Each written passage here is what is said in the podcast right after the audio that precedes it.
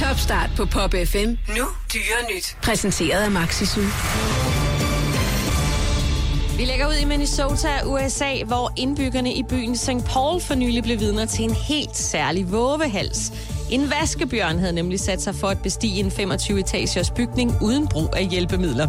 For øjnene af bygningens måbne beboere klatrede den pelsede fyr op ad den lodrette mur og skabte en veritabel hype på de sociale medier, hvor man kunne følge vaskebjørnens tur op i højderne. Hele 20 nervepirrende timer tog det vaskebjørnen at bestige de 25 etager med nogle enkelte pauser undervejs på udhæng og vindueskarme, mens indbyggerne i St. Paul holdt vejret ind til den nåede toppen.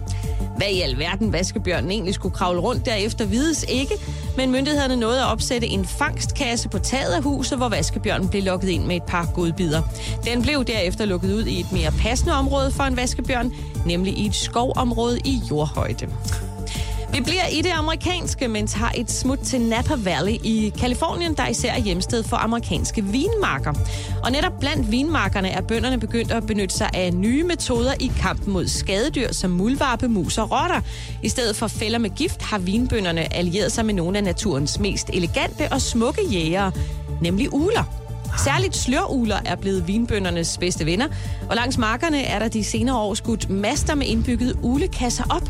Her har ulerne både gode ynglebetingelser og fri adgang til en skøn knaverbuffet. Slørulen er en mellemstor lys ule med et karakteristisk hjerteformet ansigt. Den yngler også i Danmark, dog mest i åbne staldbygninger. Slørulen jager over åbne marker, enge og moser om morgenen og i skumringen og helt uden brug af gift.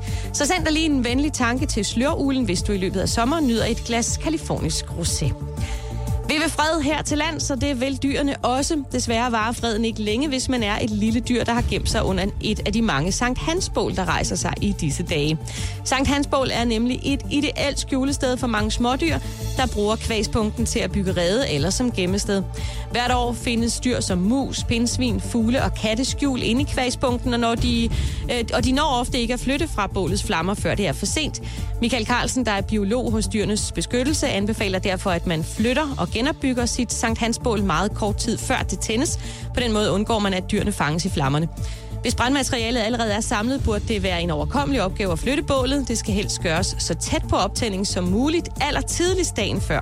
Formålet er jo, at færre dyr kommer i fare, siger Michael Carlsen.